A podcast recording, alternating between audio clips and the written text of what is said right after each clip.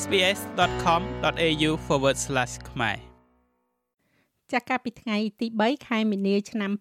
2023តុលាការក្រុងភ្នំពេញបានសម្រេចសាលក្រមកាត់ទោសអតីតមេដឹកនាំគណៈបកសង្គ្រោះជាតិលោកកឹមសុខាថាមានកំហុសពីបទក្បត់ជាតិហើយកាត់ទោសឲ្យរូបលោកជាប់ពន្ធនាគាររយៈពេល27ឆ្នាំ និងព្យួរសិទ្ធិនយោបាយរបស់លោកដោយគ្មានកំណត់ដែលមានន័យថាលោកមិនអាចចូលឈ្មោះបោះឆ្នោតបាននោះទេ លោកតាក់មេងហៀងសមាជិកសភានៃរដ្ឋ Victoria យល់ឃើញថានេះគឺជាការដើរថយក្រោយនៃលទ្ធិប្រជាធិបតេយ្យនៅក្នុងប្រទេសកម្ពុជាចំពោះខ្ញុំការកាត់ទោសលោកកឹមសុខាដែលជាមេដឹកនាំគណៈបកប្រឆាំងនៅប្រទេសកម្ពុជា ដែលជាគណៈបកប្រឆាំងដ៏ធំមួយការកាត់ទោសនេះគឺឆ្លោះបញ្ចាំងអំពីការដើរថយក្រោយយ៉ាងឆ្ងាយ ទៅលើប្រជាធិបតេយ្យហើយអ្វីដែលយើងបានឃើញតាមរបាយការណ៍ផ្សេងផ្សេងរួមទាំងរបាយការណ៍របស់ Human Rights Watch ហើយនឹងអ្នកអង្គការការទូតផ្សេងផ្សេងដែលចូលរួមការតាមដានស៊ើបពិនិត្យមើលការកាត់ទោសគឺជាការកាត់ទោសផ្នែកខាងដែលមានចេតនានយោបាយទាំងស្រុងដូច្នេះ ការកាត់ទោសនេះគឺសបញ្ជាក់ឲ្យឃើញថាជាការកាត់ផ្ដាច់ឬគល់តែម្ដងនៃគណៈបកមួយដែលជាគណៈបពប្រឆាំងដ៏ធំដែលជាគណៈបកដែលអាចមានកម្លាំងនៅក្នុងការ តំណាងប្រជែងនៅក្នុងការបោះឆ្នោតដូច្នេះហើយគឺជាការសោកស្ដាយធំបំផុតគឺជាការបាត់បង់នៅលទ្ធិប្រជាធិបតេយ្យហើយនឹងក្តីសង្ឃឹមណាមួយនៃប្រជាធិបតេយ្យនៅប្រទេសកម្ពុជាអ្នកស្រីហៃសភារនីចំពោះខ្ញុំដែលជា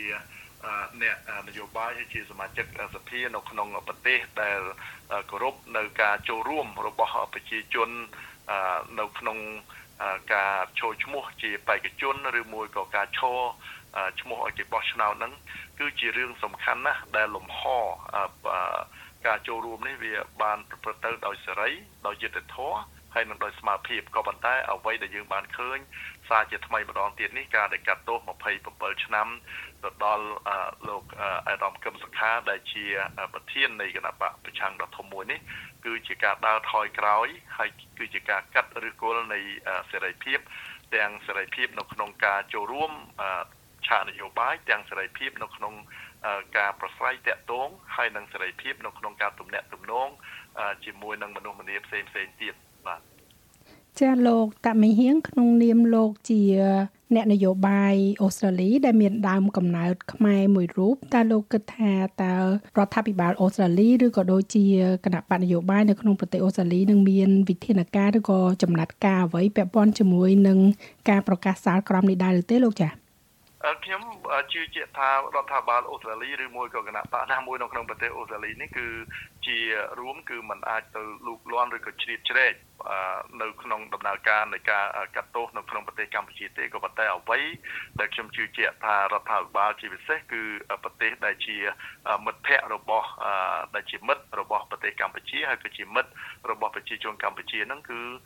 គេនៅតែបន្តហើយខ្ញុំក៏សូមចូលរួមនៅក្នុងការអំពាវនាវទៅដល់រដ្ឋាភិបាលនៃប្រទេសអូស្ត្រាលីហ្នឹងឲ្យធ្វើកិច្ចការបន្តជាក់ស្ដែងបន្តទៀតនៅក្នុងការជួយពង្រឹង ស្ថានភាពជួយពង្រឹងស្ថានភាពនៅការធ្លាក់ចុះលទ្ធិប្រជាធិបតេយ្យនៅកម្ពុជានេះអ្វីដែលសំខាន់ហ្នឹងគឺប្រទេសអូស្ត្រាលីចាប់តាំងពីឆ្នាំ1991មកហ្នឹងគឺបានដើរតួយ៉ាងសំខាន់នៅក្នុងការជួយគ្រប់គ្រងក្របពូជលទ្ធិប្រជាធិបតេយ្យនៅប្រទេសកម្ពុជាដូច្នេះខ្ញុំយល់ថាប្រទេសអូស្ត្រាលីគឺនៅតែ ហើយត្រូវតែបន្តនៅក្នុងការគាំពៀលទ្ធិប្រជាធិបតេយ្យនៅប្រទេសកម្ពុជាតទៅទៀតអ្វីដែលយើងឃើញរហូតមកដល់ថ្ងៃទី3ខែ3កន្លងទៅនេះគឺជាគឺជារយៈពេលមួយដ៏ចង្អៀតបំផុតទៅដល់ប្រជាធិបតេយ្យហើយដូច្នេះខ្ញុំជឿជាក់ថាការបោះឆ្នោតណាមួយនៅក្នុងខែកក្កដាខាងមុខនេះនឹងមិនអាចប្រព្រឹត្តទៅបានដោយសេរីដោយយុត្តិធម៌ នោះទេដោយតែយើងបានឃើញអញ្ចឹងហើយអ្វីដែលសំខាន់មួយទៀតហ្នឹងគឺខ្ញុំជឿជាក់ថាសហគមន៍អន្តរជាតិនឹងបន្តធ្វើកិច្ចការជាមួយនឹងរដ្ឋាភិបាលនៃប្រទេសកម្ពុជាហើយនិងប្រជាជនកម្ពុជាដើម្បីអាចឲ្យអ្នកនយោបាយហ្នឹងគាត់អាចមានឱកាសនៅក្នុងការនិយាយគ្នាពិភាក្សាគ្នាដើម្បីរកដំណោះស្រាយ ចំពោះវិបត្តិនយោបាយនៅប្រទេសកម្ពុជាបើទោះបីជារដ្ឋាភិបាលដែលដឹកនាំអំណាចបច្ចុប្បន្ននេះថាมันមានវិបត្តិនយោបាយនៅប្រទេសកម្ពុជាក៏ដោយក៏ប៉ុន្តែ ការដែលជាប់ឃុំរហូតដល់27ឆ្នាំទៅដល់លោកកឹមសុខាហើយអ្វីដែលជាប់ឃុំលោកកឹមសុខានេះគឺមិនមែនបានន័យថាជាប់ឃុំលោកកឹមសុខាគ្រាន់តែជាបុគ្គលនោះទេគឺជាការជាប់ឃុំលទ្ធិប្រជាធិបតេយ្យផងដែរបាទចាចាសូមអរគុណច្រើនលោកតាមេងហៀងដែលបានចូលរួមនៅក្នុងថ្ងៃនេះចា បាទអរគុណបាទចំណែកឯលោកបណ្ឌិតសេងសេរីដែលជាអ្នកវិភាគនយោបាយនិងសង្គមដែលបច្ចុប្បន្នរស់នៅក្នុងប្រទេសអូស្ត្រាលីនេះយល់ឃើញថាច្រកចេញតែមួយគត់សម្រាប់លោកកឹមសុខា គឺមានតែលោកនាយករដ្ឋមន្ត្រីហ៊ុនសែនទេដែលអាចស្នើសុំដល់ព្រះមហាក្សត្រឲ្យលើកលែងទោសជូនដល់លោកកឹមសុខាបានតើតើនឹងករណីលោកកឹមសុខាបើយើងមើលពីមុំនយោបាយខ្ញុំមើលឃើញថាវាជាព្រឹត្តិការណ៍ដែលកើតឡើងជាសេរី ចាប់តាំងពីការប្តឹងលោកសុនឆៃទាជំងឺចិត្ត1លានដុល្លារការរឹបអូសទ្រព្យសម្បត្តិរបស់លោកកងគំដើម្បីយកទៅដាក់ជាសម្បត្តិរដ្ឋវិញតែចាប់ខ្លួនលោកថៃសិដ្ឋាហើយនឹងចុងក្រោយនេះគឺការកាត់ទោសលោកកឹមសុខាឲ្យជាប់ពន្ធនាគារឬក៏ជាប់ទោសហ្នឹង27ឆ្នាំនៅក្នុងផ្ទះអញ្ចឹងបើយើងមើលព្រឹត្តិការណ៍ជាសេរីបែបនេះ ខ្ញុំមើលឃើញថារដ្ឋាភិបាលហាក់ដូចជាលែងត្រូវការអ្នកកំដរសេវីននយោបាយត្រូវការអ្នកលែងត្រូវការអ្នកកំដរប្រជាធិបតេយ្យនៅកម្ពុជាហើយចឹងហើយជំរើសនេះខ្ញុំមើលឃើញថានិន្នាការឬក៏សេណារីយ៉ូនេះកំពុងតែដើរទៅរកការរៀបចំប្រទេសកម្ពុជាទៅតាមបែបដឹកនាំតាមប្រព័ន្ធឯកបៈដែលយកស្លាកពហុបកហ្នឹងជាត្រីមុខ ច្នេះយើងមើលការវិវត្តនយោបាយចុងក្រោយនេះមានការប្រែប្រួលច្រើនបាទចាតើលោកគិតថាសហគមន៍អន្តរជាតិអាចនឹងធ្វើអ្វីឬក៏ចាត់វិធានការអ្វីបានខ្លះដែរទេតកតងនឹងករណីរបស់លោកកឹមសុខានេះចាតើគាត់អាចមានច្រកចេញអ្វីផ្សេងសម្រាប់លោកទេចាយន្តការអន្តរជាតិកន្លងមកនេះគឺយន្តការដែលធ្ងន់ធ្ងរបំផុតតាមការសង្កេតរបស់ខ្ញុំគឺការដាក់ទណ្ឌកម្មហើយជាពិសេសហ្នឹងគឺទណ្ឌកម្មសេដ្ឋកិច្ច ដូចជាឧទាហរណ៍ជាក់ស្ដែងដូចជាការដកប្រព័ន្ធអនុគ្រោះពន្ធ EBA 20%ការដកប្រព័ន្ធអនុគ្រោះ GSP របស់សហរដ្ឋអាមេរិកហើយនឹងយន្តការបន្តបន្តទៀតហ្នឹងគឺមានការថ្កោលទោសអីជាដើមអញ្ចឹងក៏ប៉ុន្តែបើយើងសង្កេតមើលរដ្ឋាភិបាលបច្ចុប្បន្នយើងឃើញថារដ្ឋាភិបាលដែលដឹកនាំដោយគណៈបកប្រជាជនហ្នឹងលែងខ្វល់ជាមួយនឹងអឺគំនាបសង្កត់ឬក៏ទណ្ឌកម្មអន្តរជាតិហើយ ដូច្នេះខ្ញុំមិនជឿលើយន្តការអន្តរជាតិទេនៅក្នុងការដោះស្រាយបញ្ហារបស់លោកកឹមសុខាប្រហែលជាមានច្រកមួយទៀតដែលលោកកឹមសុខាអាចនឹងមានសេរីភាពឬក៏អាចនឹងអាចនឹងត្រឡប់ចូលទៅក្នុងជីវិតនយោបាយវិញគឺជាការស្នើពីលោកនាយករដ្ឋមន្ត្រីហ៊ុនសែនទៅអង្គព្រះមហាក្សត្រដើម្បីឡាយរបស់លេខាលើកលែងទោសអញ្ចឹងក្រៅពីនេះទេខ្ញុំមើលថាអន្តរជាតិមិនមាន មិនមានលទ្ធភាពនៅក្នុងការជំរុញរដ្ឋាភិបាលកម្ពុជាប្រែប្រួលអេរយាប័តទាក់ទងនឹងករណីលោកកឹមសុខាទេបើសិនជាលោកនាយករដ្ឋមន្ត្រីហ៊ុនសែនមិនសប្បាយចិត្តអឺគឺលោកកឹមសុខានឹងមិនអាចរួចទោសទេបាទ